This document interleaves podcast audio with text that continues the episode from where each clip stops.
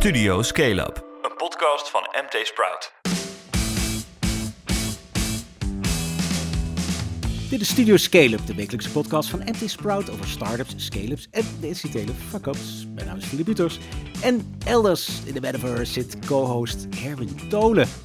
Ja, hoi Flip, thuis dit keer. Alweer hè? Ja, nee, nu is het geen verbouwing, nu is het corona. Ja, jij. Maar Ja. verder alles goed? Hoe voel je je? Ja, een paar dagen grieperig. Ehm, maar jongen, ja, weet je, en dan...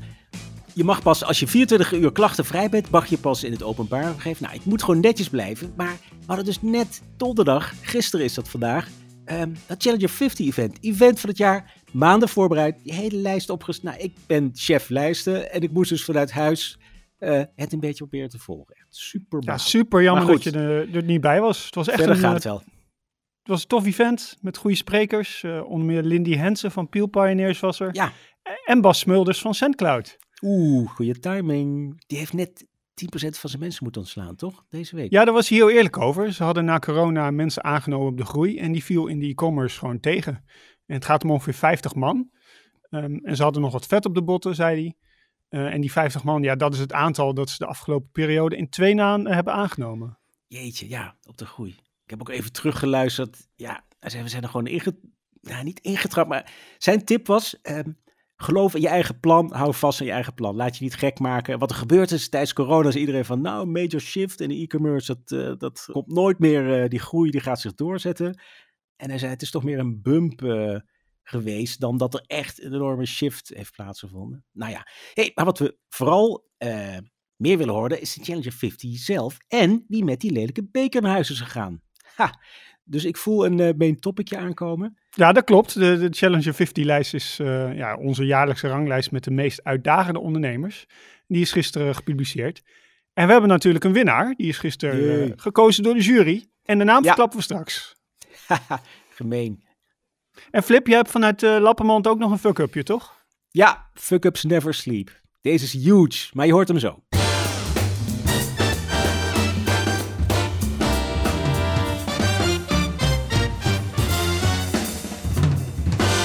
Eerst even snel het nieuws rond startups en scale-ups.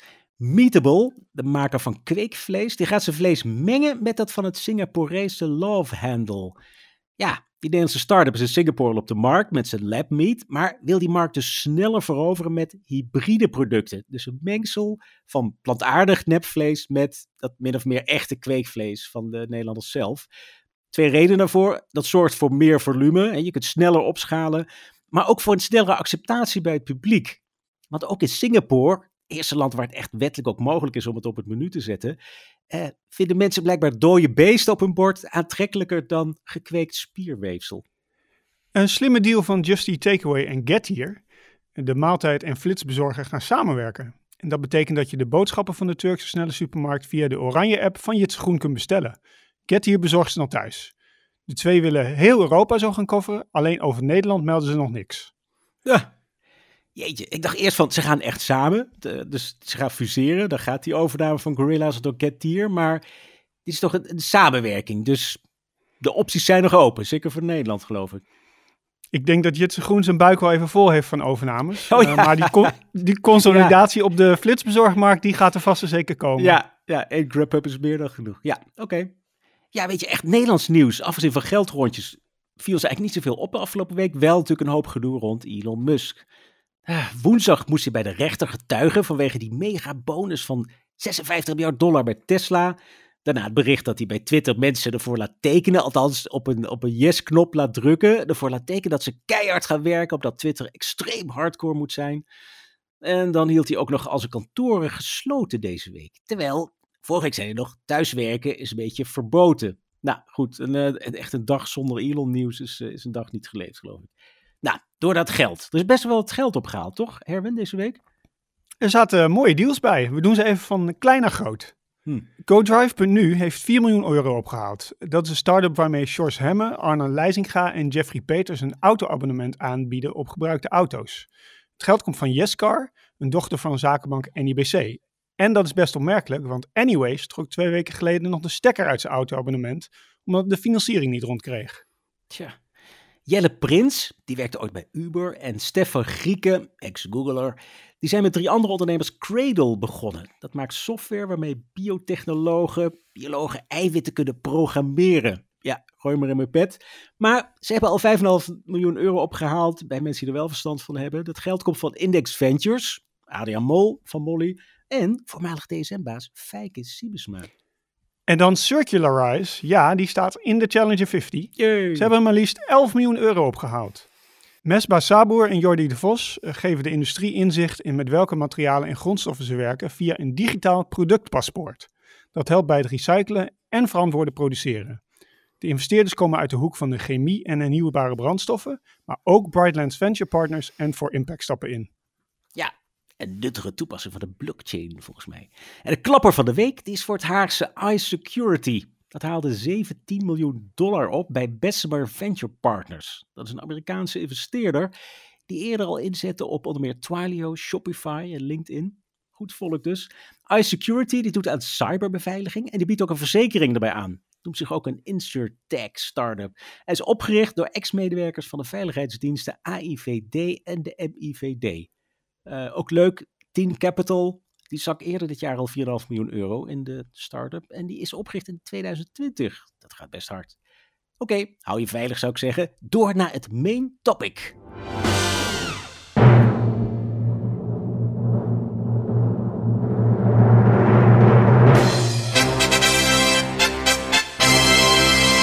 Ja, het kon bijna niet missen. Crisp heeft de Challenger Award van 2022 te pakken.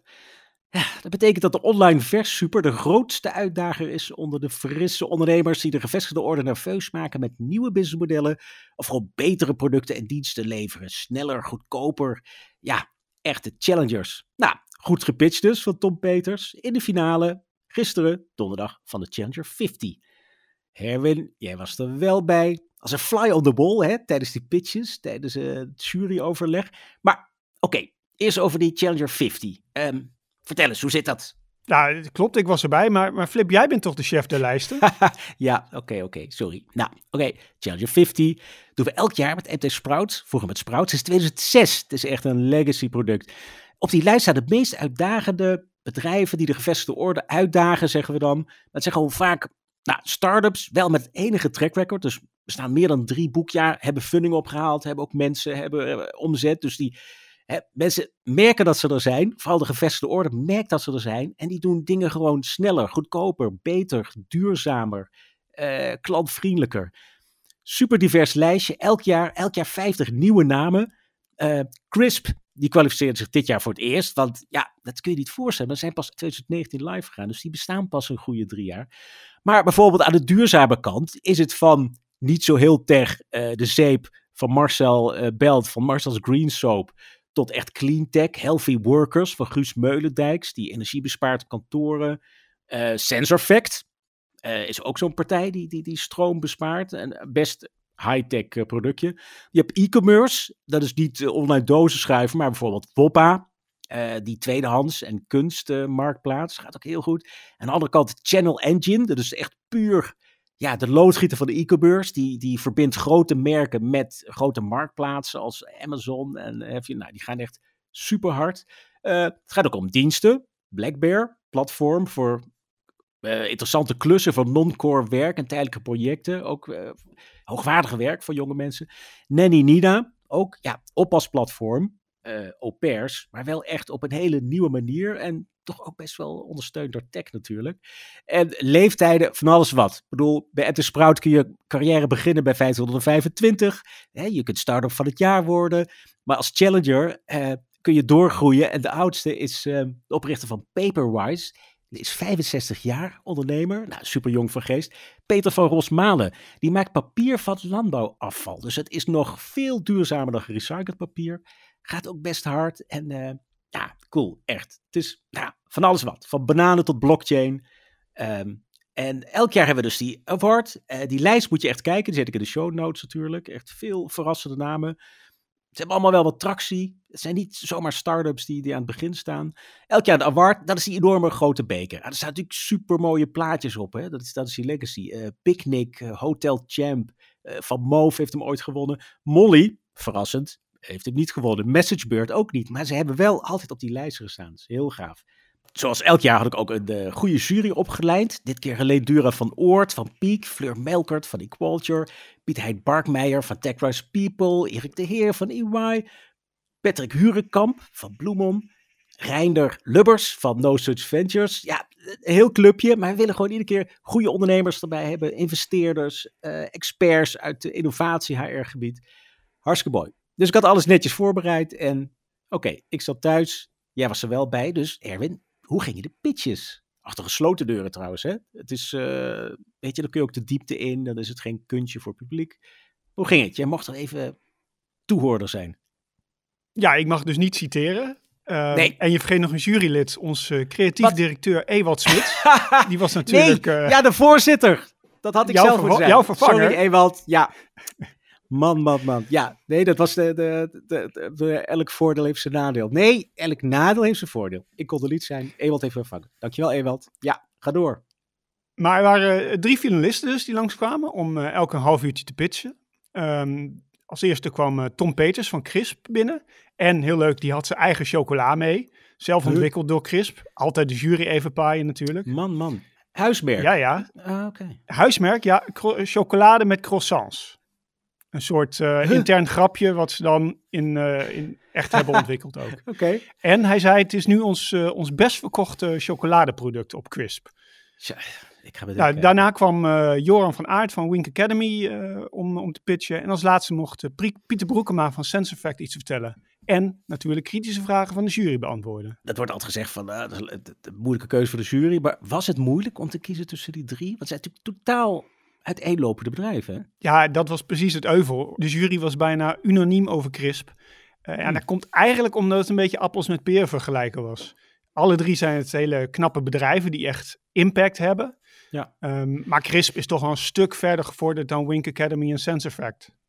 Ja, weet je, maar het, komt echt niet eerder. Maar misschien moet die, die, die regel moeten we echt veranderen. Het criterium is die, die drie boekjaren. Dus we hebben ook met Chris, we hebben gewoon drie jaar echt zitten wachten, letterlijk. Vanaf 2019 zeker, van wanneer kan die nou op de lijst? Dus daar moeten we echt naar kijken. Maar goed, dus knop doorgehakt. Yes, uh, crisp is het geworden. Ja, de jury was onder de indruk van wat, uh, wat ze hebben neergezet in zo'n korte tijd. Inderdaad, dus in slechts vier jaar. Uh, sinds 2018 bestaan ze. Terwijl je het idee hebt, zei de jury ook, dat ze veel ouder zijn. Ook met ja. reclames op tv. En het is, het is echt een ingeburgerd merk geworden.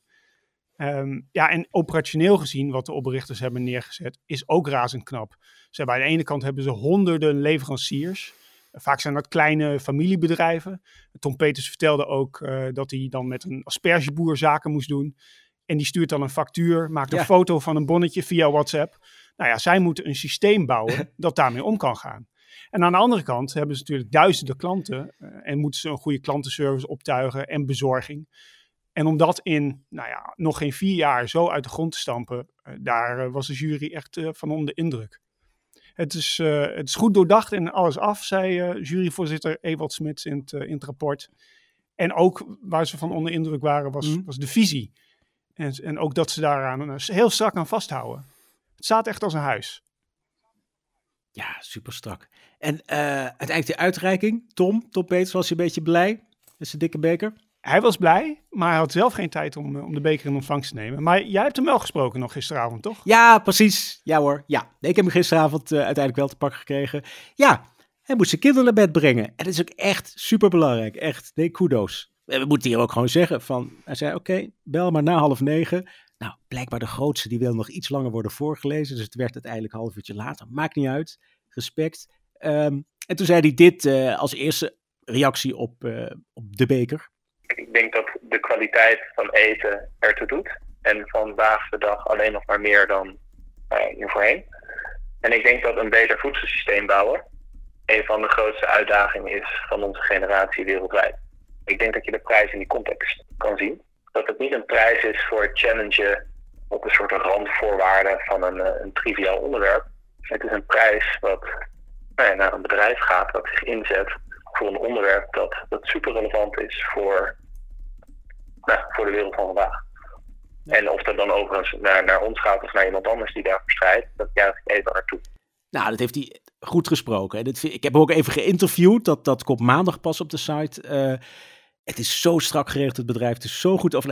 En hij zegt ook, zoals we het aan het begin bedacht hebben, dus gewoon op papier hebben gezet, uh, zo loopt het. Dus je kunt ook, je kunt vragen van, goh, ben je niet verrast door het succes? Je gaat het niet te hard. En uh, nee, eigenlijk, uh, ja, dingen gaan soms anders, maar hij zei ook, de, de, de, jury vroeg van, zijn er nog pivots geweest? Heb je dingen anders aangepakt? Ja, nee. Dus eigenlijk wel, zonder arrogantie hoor, maar het is echt zo gelopen zoals we het gedacht hadden. Het werkt. Het blijkt gewoon iedere keer dat we goed zitten. Het is echt, echt bijzonder, want het is, het is een moeilijk uh, concept.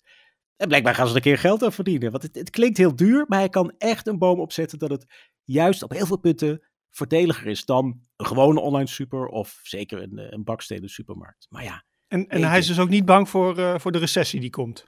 Nee, heeft hij ook een verhaal bij. Nou, hij zegt wel, ja, eh, de bereikbaarheid wordt een uitdaging voor veel mensen. Maar hij denkt, goed eten, vers eten, lekker eten is toch zo belangrijk dat je ook in een recessie hij zegt niet letterlijk, mensen zullen er dingen voor opzij zetten of, of zetten de kachel helemaal uit. Maar uh, hij, hij, ziet, uh, ja, hij ziet wel dat ze robuust genoeg zijn. Dat hebben natuurlijk een paar podcasts geleden ook gezegd. Van ja, gaan we recessie in. Chris blijkt een beetje luxe. Nou ja, hij zegt aan de ene kant, we zitten helemaal niet in het hoogste segment of zo. Het is niet alleen maar rijke lui die wij bedienen. Vorige keer ook gezegd van uh, driekwart van de klanten woont buiten de Randstad. In een huis onder de 4 ton WOZ-waarde. Dus dat valt wel mee. Zijn dat juist niet de mensen die geraakt worden door de recessie? Ja, weten we niet. Maar het gedrag weten we ook niet. En hij denkt, nou, die bereikbaarheid zal uitdagend zijn van lekker eten. Maar mensen zullen er toch hun best voor doen om lekker te blijven eten. Zou kunnen, toch? Want we weten dat voor mensen met een bepaald inkomen, dat eten is 10, 15 procent van je budget. Ja, als er een paar procent bij komt door de inflatie, dan weet ik niet of je dan uh, ineens je eten laat vallen en weer inderdaad, zoals hij zegt, onder in het schap de kilo knallende varkensworstjes uh, uit, het, uit het schap pakt. Ja. Maar goed, het event zelf. Heb je nog uh, leuke mensen gesproken? Een beetje dansje gewaagd? Dat was ook een DJ, toch? Er was zeker een DJ en er is ook ah. gedanst. Ah. En, en, er waren lekkere hapjes. Door jou? Niet door jou. Ook door mij. Ook vegan hapjes. Vegan hapjes. Zeker. Eindelijk, vegan hapjes. Uh, het was trouwens in de Cool Classic Club in Naarden. Uh, waar oh, ja. ook de, de Next Leadership 50 werd gepresenteerd. Echt een toffe ja. locatie. Allemaal oude, uh, klassieke auto's. Ja, benzinedampen. 80, dus ja, zeker. Zeker benzinedampen. Old school, ja. Maar het was weer erg geslaagd. En die andere finalisten, je hebt ze gehoord. Wat, wat viel jou op aan, aan, aan Sense Effect en, en Wink? Wat vond de jury van ze? Ja, over beide bedrijven was, was de jury ook ja, enthousiast. Ook vanwege die impact die ze maken. Um, ja, Sense Effect levert sensoren voor de industrie. En dan, ze focussen zich alleen op de MKB-bedrijven. En die sensoren sturen ze op via de post. En dan kunnen ondernemers ze zelf aan de apparaten hangen en real-time zien hoeveel ze verbruiken. En dus ook waar ze kunnen besparen. Tja. En met de huidige hoge energieprijzen is de oplossing van SenseEffect relevanter dan ooit, zei de jury. Uh, en één iemand zei zelfs, uh, wat corona was voor e-commerce, kan de energiecrisis zijn voor SenseEffect. En uh, Pieter Broekema maakt ook indruk. Het is echt een rasondernemer die zeker in deze fase het bedrijf goed uit kan bouwen. Ja, hm. En Wink, Wink Academy. Ook van Marijn Pijnenborg, hè? die is medeoprichter. Die zit er ook in, maar uh, ja. CEO is Joran van Aert. Ja. met, uh, die was vroeger de, de tweede man bij Study Portals. Ja. Dus hij kent die edtech-markt kent hij door en door. Hij had ook op alles van de jury een antwoord over strategische vragen. Um, ja, en zij maken ook impact. Zij, zij willen een echt een groot probleem tackelen. Namelijk dat er ja, te weinig IT-kennis is onder, onder personeel op de arbeidsmarkt. En zij bieden uh, ja, online opleidingen aan. En waar zij mee schermen is hun uh, hoge slagingspercentage. Hm. 77% van de mensen maakt de opleiding af. En dat is uh, volgens Joran het dubbele dan bij andere opleiders. Ja, precies. En misschien komen er een hoop IT'ers op de, op de markt nu door al die massa-ontslagen. Nou, dat zal meevallen. Maar ook IT-skills toch, hè? bij je bestaande personeel Zo'n trend is het volgens mij. Dat als werkgever, nou, je kunt geen mensen vinden, dus moet je je bestaande mensen employable houden, bijscholen, bijschaven. Dat is dan aan de IT-kant, uh, zou je dat met winkzaken kunnen doen. Ja, super tof. Zij, zijn, uh, zij, zij, gaan ook hard. Ze hebben al flink wat geld opgehaald dus.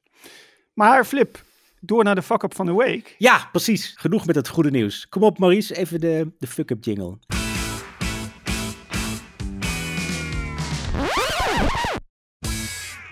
Dankjewel. Ja, die kon ik missen. Daar zat je op te wachten. FTX, wat een zootje. Nou, wij snappen zelf niks van crypto, hè, Erwin? Ja, misschien snap je het wel, maar oké, het kan handig zijn voor sommige transacties en vooral de onderliggende blockchain heeft heel veel mogelijkheden, maar ah, je moet er niet mee gaan speculeren of derivaten erop schrijven, opties en futures en nou ja, bij FTX heeft het een beetje het karakter van een piramidespel of een soort uh,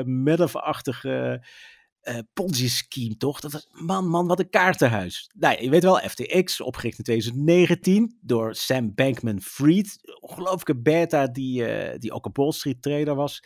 Nou, in no time uitgegroeid tot, ik geloof, de nummer drie crypto-exchange. Het zit op de Bahama's, hartstikke mooie plek voor een hoofdkantoor. Nou, uh, en hij was een beetje de, de, posterboy, toch? Hij was uh, beschaafd en rustig en hij gaf geld aan allerlei goede doelen, waaronder de Democratische Partij in, uh, in Amerika. En uh, hij, hij redde Robin Hood toen het op omvallen stond. Ook andere brokers. Dus nou, hij kon na, potjes breken, zeg maar. Tot, wanneer was dat? Een paar weken geleden bleek dat er een soort bankrun plaatsvond. Je hebt FTX, daarnaast had hij dan Alameda Research, het oorspronkelijke bedrijf. Nou, zoals het een goed cryptobedrijf uh, betaamt, had FTX zijn eigen token uitgegeven, FTT. En de grap was, een van de grootste houders van die token was dat Alameda Research, dus het zusterbedrijf. En Alameda Research had dus een hele hoop FTT-tokens op zijn balans. En op basis van die waarde verstrekt het weer leningen aan, uh, aan FTX. Dus het werd een soort oneindige geldmachine, dat token. Uh, en het gaat goed tot het fout gaat. En wanneer gaat het fout? Als iemand zijn geld terug wil. Als iemand die tokens wil omzetten in, uh, in knisperende dollars. Nou, toevallig was Binance, de allergrootste cryptobeurs, die dacht als eerste van, nou, ik vertrouw dat opgepompte zaakje niet daar. Ik, uh, ik ga eens even 600 miljoen dollar inwisselen. Gewoon FTT. Uh, nou, en dat bericht, dat gerucht dat Binance dat wilde doen, dat zorgde dus voor die bredere bankrun, waardoor ja, de boel op slot moest bij FTX. Ook die FTT-token, die ging van tientallen naar, naar 2 dollar per stuk. Dus die, die, de echte balans van, van Alameda, dus van het hele FTX-imperium, die, uh, ja, die implodeerde gewoon. Ongelooflijk. Als een soort uh, zwart gat in wording. Nou, dat is het nu ook. Ze konden de leningen niet afbetalen. Ze konden niet uh, de klanten bedienen die hun geld eigenlijk uh, opeisten. Dus die Bankman Fried moest op een gegeven moment maar faillissement aanvragen. Althans, chapter 11 voor zijn bedrijf. En nou ja, he fucked up, zoals het heet.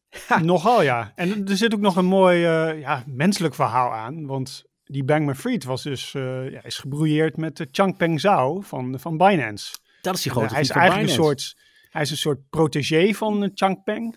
Uh, en hij, die Bankman Fried riep altijd op voor meer regulering voor de, voor de cryptomarkt. Terwijl ja. die Changpeng Zhao was daar uh, fel op tegen. En nu haalt hij dus van Binance uh, FTX onderuit. Ja, dus, precies. Ja, dat is een sappig verhaal. En, wat ik ja. ook las, Michael Lewis, bekend auteur van onder meer The Big Short en Moneyball... Oh ja. Die heeft dus het afgelopen half jaar ja. Sam Bankman-Fried gevolgd. Dus daar ja. volgt weer een, een, fantastisch boek uit en Precies. ongetwijfeld een film. Ja, geweldig. Want Binance was inderdaad een soort godfather. Heeft wel die bankrun veroorzaakt. Uh, vorige week nog een beetje schijnheilig geprobeerd van nou, we gaan kijken of we het kunnen redden of we het willen overnemen. En na een halve dag gezegd van nee, het is toch te erg uh, te ver heen. En nu hebben ze dus uh, echt een, een restructuring expert. Dus iemand, een puinruimer ingeschakeld, John Ray. Nou, echt de man voor de job, want die is beroemd geworden van zijn klus bij Enron. Dat is het enorme energieconcern dat ook ja, één groot piramidespel was. Jeetje, dus dat levert nogal wat déjà vu's op. En ja, we gaan er maar even vanuit dat het een gigantische fuck-up is, maar het heeft wel trekjes van fraude. Wat die Ray, wat die Ray op een rijtje zet, die zegt, never in my career have I seen such a complete failure of corporate controls and such a complete absence of trustworthy financial information as occurred here. Dus zo'n zootje heeft hij nog nooit aangetroffen. En bijvoorbeeld een persoonlijke lening aan meneer uh, Bankman Fried van een miljard dollar. Ja, uh, natuurlijk ook uh, met, met FTT'tjes als onderpand. Maar dus het lijkt er, en er zijn huisjes gekocht en allerlei spullen gekocht op de Bahama's voor oprichters en medewerkers van FTX. Dus ja, het is gewoon helemaal uit de hand gelopen. Oh ja, het mooiste is wat die Bankman Fried zelf zegt: van oké, okay, hand in eigen boezem. Uh, I expanded too fast. I failed to see the early warning signs. Ik had meer focus moeten hebben. Ik had meer begrip moeten hebben op wat er aan de hand was. Ik weet niet of hij zo dom is, maar hij zegt, nou, I fucked up. Maar mijn tweede grootste fuck-up is dat ik Chapter 11 heb aangevraagd, want mensen fikken nu mijn bedrijf compleet af. Ja, Jongen, jongen. Grootste fuck-up. Dus ja, hij riep zelf op voor meer toezicht. Maar hij nam het zelf ook Ja. niet zo nauw met de regels. Nee, Eh, toch? maar misschien nog een interessantere vraag. Heeft het ook gevolgen, dit, dit faillissement van FTX? Ja, ja. Misschien had het al eerder gezegd van het wordt vergeleken met Lehman Brothers. 2008, 2009. Dat leidde echt een grote financiële crisis in. Nee, weet je, dit gaat toch uiteindelijk om kleinere bedragen. De hele eh, blockchain of cryptocurrency wereld. Dat, dat, is toch peanuts vergeleken bij het echte financiële geweld. Dus dat ripple effect, dat zal wel eh, achterblijven. Maar ja, in de cryptowereld zie je nu toch de Winklevoss twins, ken je nog? De tweelingjes, van wie dan eh, Mark Zuckerberg Facebook gejat heeft op het concept. Die zitten enorm in de knoei met Gemini. Die kunnen ook niet meer klanten bedienen. BlockFi, dat dreigt ook al op te vallen. Nou, en dan hebben we nog slachtoffers. Dat zijn die, eh, die grote namen die reclame hebben gemaakt voor FTX. Larry David, Giselle Bündchen, topmodel, Shaquille O'Neal. Jongen, jongen, die worden allemaal aangeklaagd omdat ze die troep hebben verkocht. En, nou, lo and behold, de bitcoin. Wat is de bitcoin? Wat doet hij vandaag? 16, iets rond de 16.000 euro. Dus hoe groot zijn de gevolgen? Ja, weet je, het grootste slachtoffer zou die, die, die bitcoin en andere cryptovaluten moeten zijn, maar die blijven lekker. Ja, het is niet het hoogste niveau ooit, maar. Dus Herwin, instappen. Ik zeg doen. ja, disclaimer na de break. Tjonge. Wij, wij geen financieel advies. Ah, fijn. Dit was Studio Scale-up, aflevering 67. We hopen dat het je bevalt. Vergeet je dus niet te abonneren op Spotify je favoriete podcast-app voor feedback of schaamteloze zelfpromotie. Philip.mtsprout.nl Herwin, bedankt dat je er was vandaag. En gisteren vooral tijdens het Challenger-event. Famous last words. Nou ja, ook zonder jou dan, Flip. Maar we hebben vanmiddag een Ja. personeelsuitje. Ach, Dus who cares? we Echt. gaan niet meer wandelen, want daarvoor regent het te veel. Maar er is een, een geheim programma, dus eh, ik ben heel benieuwd. Precies. Misschien wel een special guest daar. Nee, ik mag ook vandaag toch niet naar buiten. Ah, Oké, bedankt voor het luisteren. Tot de volgende keer.